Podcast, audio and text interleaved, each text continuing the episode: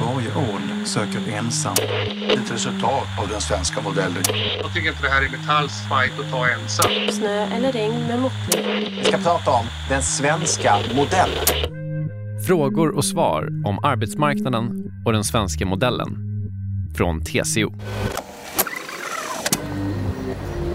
Hur har den svenska modellen funkat i ekonomiska kriser?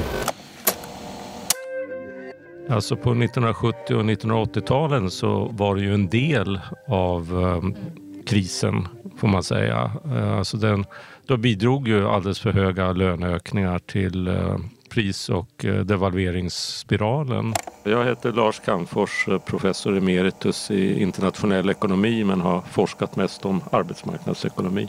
Så efter 1990-talet och efter industrins samarbetsavtal mm får man väl säga att eh, svenska arbetsmarknadsmodellen, lönebildningsmodellen har fungerat väl. Löneökningarna kom ner och det hjälpte till att hålla inflationen nere.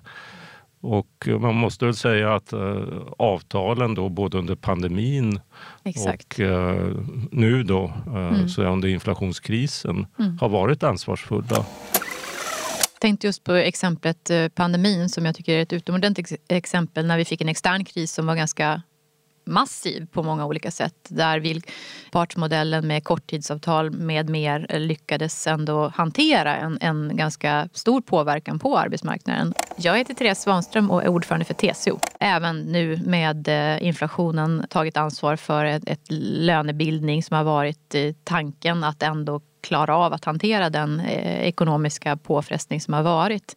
Till skillnad från länder i Europa som Belgien till exempel som har en lönejustering med indexering som innebär löneökningar på 11 procent eh, i, i, det här fallet. Då. Sen har det sett annat ut i andra tider där också men, men en helt annan modell för, för löneökningar.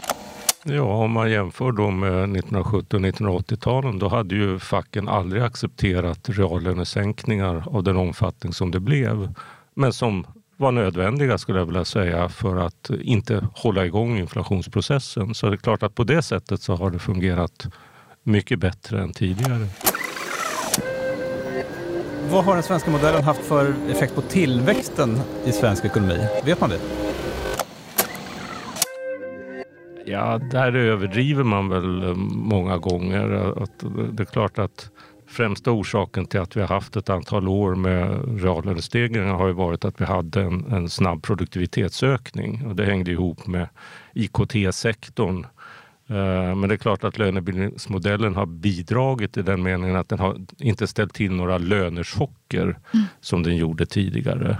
Ja, den har hjälpt till, men man ska inte överdriva betydelsen heller just för tillväxten. Nej men sen finns det ju andra delar i det. Apropå tillväxten och jag tänker på under pandemin så hade vi att hantera också till exempel en helt extraordinär situation inom ramen för vissa sektorer där vi då eh, lokalt kan anpassa arbetstidsmåttet för att hantera den sjukvårdsansamling vi hade. Vi har liksom den, den typen av flexibilitet vi, för att vi har en partsmodell som avtalsvägen kan komma överens om lösningar som kanske är väsentligt mycket svårare i länder där allting sker genom lagstiftningsvägen istället för att hantera samlat och i ett partsgemensamt eh, överenskommande om att det här behövs för att klara verksamheten. Och då har ju det handlat om, om mer än bara löner kan man säga. Jo, det är en viktig sak, alltså att det finns en samarbetskultur ja. Eh, på svensk arbetsmarknad, mm. både lokalt och eh, nationellt.